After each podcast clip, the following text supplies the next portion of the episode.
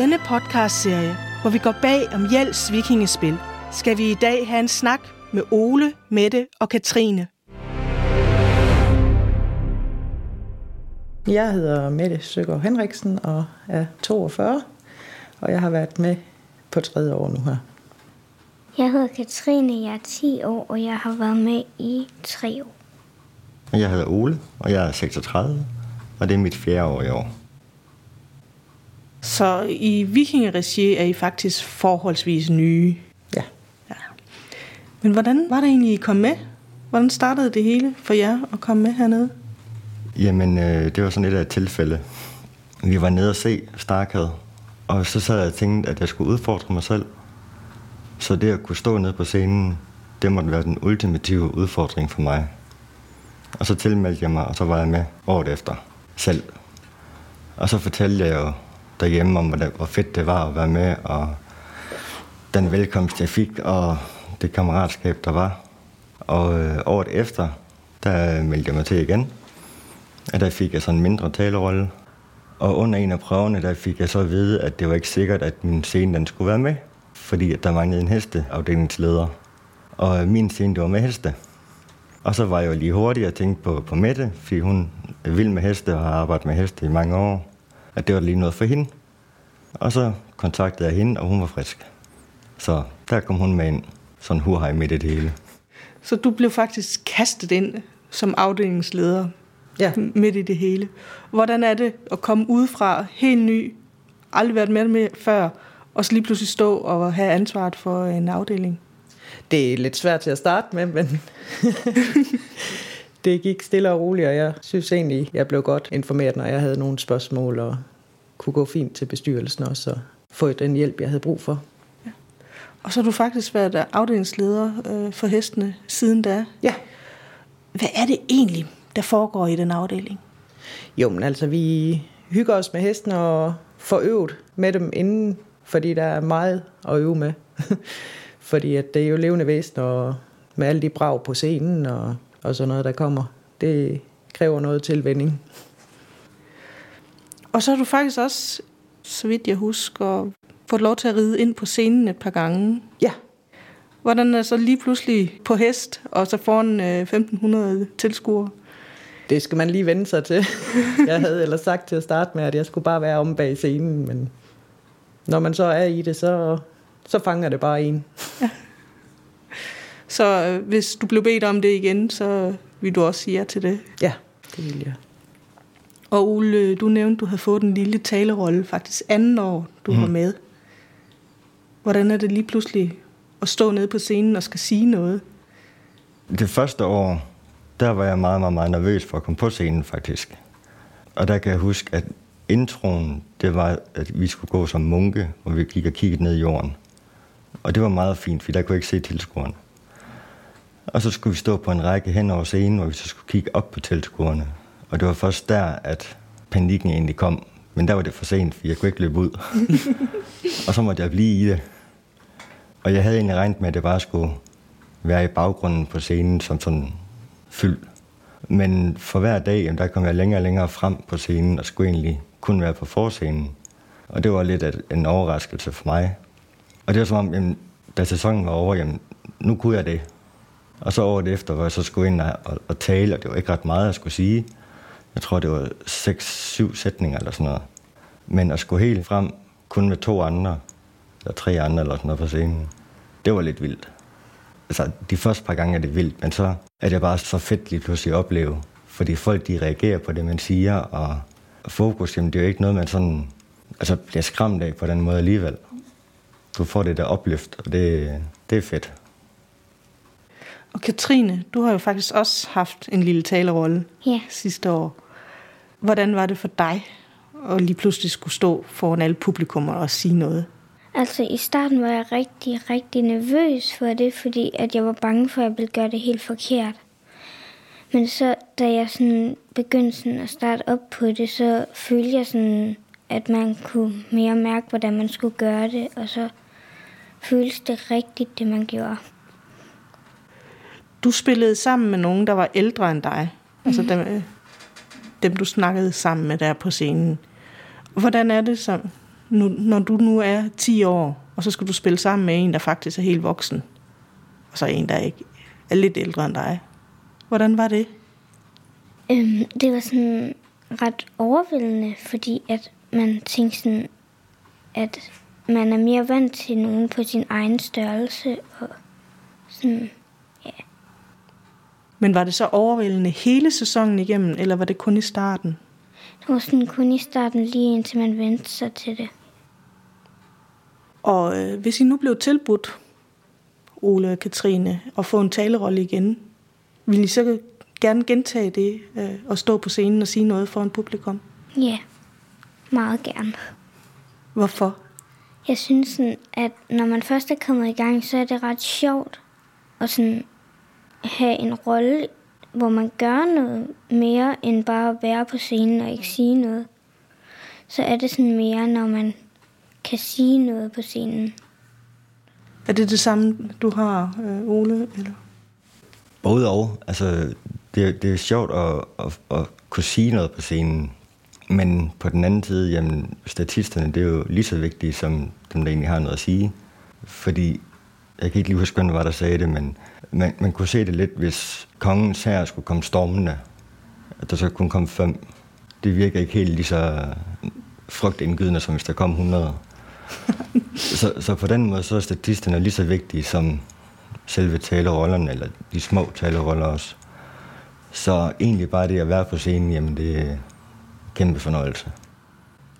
Og du har faktisk også prøvet at ride på scenen. Ja. Er det alderen hver, der kan få lov til at ride på scenen? Ja, altså hvis de er gamle nok, der er en vis alder, nu kan jeg ikke huske, hvor gammel det er, men øh, sådan sikkerhedsmæssigt, sikkerheden den skal være der uanset hvad, fordi det er levende dyr, og der kan ske noget lige pludseligt. Men ellers så er det princippet alle, der kan komme ind og ride. Og Mette, hvad gør vi så, hvis der kommer en, instruktøren siger, at den her rolle skal øh, altså ride ind på scenen, og personen har aldrig nogensinde siddet på en hest før? Så skal vi i gang med at øve med personen, og så skal personen jo selvfølgelig have nogle instrukser og lige lære det inden, så må vi øve inden. Og hvornår vil man så gå i gang med det? Jamen altså, hestene de kommer omkring midt i maj, og så starter vi jo først op til omkring 1. juli der. Så der er noget tid at øve inden. Hvis man så øh, har lyst til det, kan man så starte før med at, at, at øve sig i at, at ride? Jamen, der kan bevilges noget øh, undervisning på en rideskole også, hvis der Ja, lige så snart man, man ved, hvem der skal have Ja. rollen. Og så snakkede Ole om, at øh, sikkerheden skal være i top. Rider man så øh, med ridehjelm, eller... Fordi det er jo ikke særlig vikingeagtigt. Nej, men øh, nu er vi ved at, at undersøge at få lavet nogle hjelme, man kan have på hele tiden, der kunne minde lidt om vikingehjelme. Så vi kan holde sikkerheden i top. lige præcis. Og du siger, at hestene de, de kommer midt i maj, men der øh, spiller vi jo ikke i, i, endnu. Altså, vi er i gang med at øve, ja. Ja. Men hvor er de heste så henne i, i Jamen, hele den de går periode? på den mark, vi har til dem, og så tager jeg så ned og holder øje med dem og, og passer dem og rider lidt ture på dem. Ja, så du har sådan to måneder med de heste der. Ja. Og, og under selve stykket, hvem er det så, der klargør hestene? Jamen, det gør jeg, og så har jeg nogle forskellige personer dernede til at hjælpe os. Der er også nogen, der kun kommer i weekenderne, og bare hjælper med at strile og gøre klar. Så øh, hesteafdelingen, det er en af de afdelinger, hvor du ikke behøver at kunne være der til alle forestillingerne. Ja, man kan sagtens bare hjælpe bagved at gøre hesten klar og sadle op og strile den og, og sådan nogle ting. Og sørge for kaffe. Jeg sørger for kaffe. Ja, det, er, det er vigtigt. Ole, du nævnte jo det der, at statisterne er lige så vigtige. Og øh, det er jo ikke alle, alle scenerne, hvor statisterne bare er en masse, der står nede bagved. For eksempel markedsscener, der øh, kan man jo godt have nogle specielle roller, selvom man ikke skal sige noget. Og du havde faktisk en sidste år. Ja, øh, sidste der var jeg fuld far. Og det, øh, det var første gang, jeg prøvede at skulle spille fuld. Og det var, det var lidt af en, en udfordring. Men det lykkedes sådan forholdsvis. Desværre så blev jeg skadet midt under forestillingen. Så der var lige en, en uge, hvor jeg ikke var med. Og det pinte mig som en i pokkers. Bare skulle sidde stille bagved. Mm. Men hvad skete der så med den øh, statistrolle, altså den fulde far på scenen? Jamen, jeg havde jo i, i princippet flere øh, forskellige roller, men jeg kunne ikke spille nogen af dem selv, jo, fordi jeg havde meget dårlig fod. Så der kom der andre ind og overtog min, mine roller. Nu ved jeg ikke lige, hvad man kalder dem. Statist, statister. øhm, og der skulle jeg så informere dem om, hvordan at jeg gjorde det, og hvem de skulle snakke med, eller lade som om de snakkede med, og i kampscenen, jamen, hvem de skulle kæmpe imod, og hvordan vi havde vores øh, kamp, fordi det var meget øh, trænet kamp, som vi bruger flere dage på at, at træne igennem, så det var lidt, lidt svært for dem at komme ind fra den ene dag til den anden.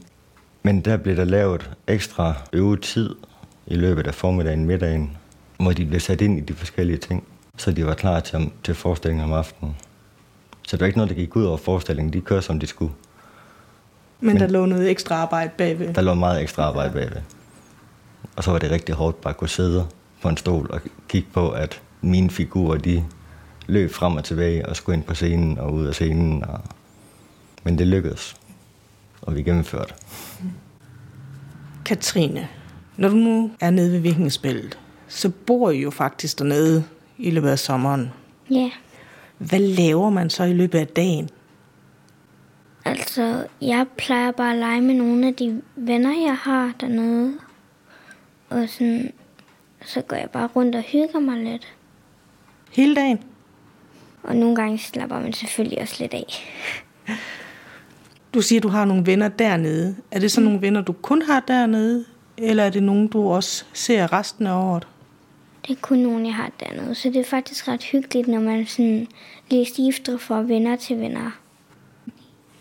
Og øh, så der, har vi jo også søen, der ligger bag ved scenen. Mm. Er det øh, noget, I benytter jer af, at øh, der ligger en sø dernede? Altså, jeg kan godt finde på sådan nogle gange at gå lidt ned og bade der. Vi bader også med hestene dernede nogle gange, så de kan køle af på de varme dage. Ja. Og det er der mange, der synes, det er sjovt. de har oplevet folk, der har været ude og sejle på søen. Og så har de set, at vi var ude med hestene, og så kunne du se på dem, at de fægtede med arme og pegede hen imod os. Og så der var blandt andet et, et ægtepar, hvor konen hun var ved at falde ud over båden, fordi hun skulle pege hen på os. Og manden han begyndte at ro som sindssygt, fordi vi, de skulle hen til os. og så stod de begge to og tog billeder af, at, at hestene var ude, ude at bade. Så det bliver set på både fra land og fra vand. Ja. Du nævnte øh, i starten, Ole, at øh, du startede ved vikingespillet for at udfordre dig selv. Ja. Dig og også jer andre. Hvad har det givet jer at være med ved vikingespillet? Jamen altså, personligt for mig, jamen jeg havde ekstremt lavt selvværd. Så det at skulle gå blandt andre mennesker, det, det var ikke mig. Men jeg udfordrede mig selv ved at, at melde mig, og var meget, meget, meget nervøs. Både til, til vores infodag i januar, men også til, til alle dag. Fordi jeg vidste, at der ville være mange mennesker. Men den måde, at jeg blev taget imod på med, med åbne arme, og jamen, det var så fantastisk at opleve. Det har jeg ikke oplevet før nogen andre steder. Og det har så bidraget til, at jeg har fået bedre selvværd, og ret ryg, og ja, jeg føler mig lidt mere i live nu, end jeg gjorde før. Så det, det er stort, egentlig bare ved at være med i et fællesskab. Og hvad med jer andre? Hvad giver det jer at være med ved Vikingspil? Jamen det giver hygge og jamen også troen på, at man godt, egentlig godt kan. Og det sociale samvær, og man bliver bare taget godt imod. Er det også det, du har oplevet, Katrine? Ja, og på en måde giver det også, også en rigtig dejlig ferie dernede. Fordi for os at bo i campingvogn et andet sted, det er en ferie for os. Og er det så også det, der får jer til at blive ved med at komme til vikingspillet? Jamen, det er helt klart hyggen øh, blandt de andre vikinger. Jamen, hele området i sig selv, det er jo så smukt at, at gå rundt og kigge bare. men også alle de øh, fælles aktiviteter, der er, og samværet, at så mange forskellige personligheder kan samles om den ene ting. Jamen, det er jo egentlig lige meget om man er, hvad kan man sige, hjemløs bums på gaden, eller om du er direktør i eget stort firma. Når man er fælles hernede, jamen, så er man egentlig lige med alle andre. Der er ikke den der forskel på folk. Og det, det synes jeg, det er fedt at se. Det skal opleves. er du enig med det? Ja, det er svært at beskrive. Hvis I nu tænker tilbage på den tid, I har været med ved vikingspillet, har det så været sådan et specielt øjeblik, sådan et yndlingsøjeblik, eller et yndlingsmoment, noget helt specielt? Det synes jeg, det er svært at... Jeg synes bare, det hele har været specielt. Jeg synes, det er svært at tage noget ud i forhold til noget andet. Fordi jo, der er mange dele, som er super hyggelige og super dejlige, men de ville jo ikke være der, hvis noget af det andet ikke var der. Så egentlig så er det det hele, der går op i den højere enhed. Jeg synes ikke, man kan tage noget ud sådan, og sige, at det er det, der gør det. Er det også sådan, du har det ja, med det? det er også sådan, jeg har det.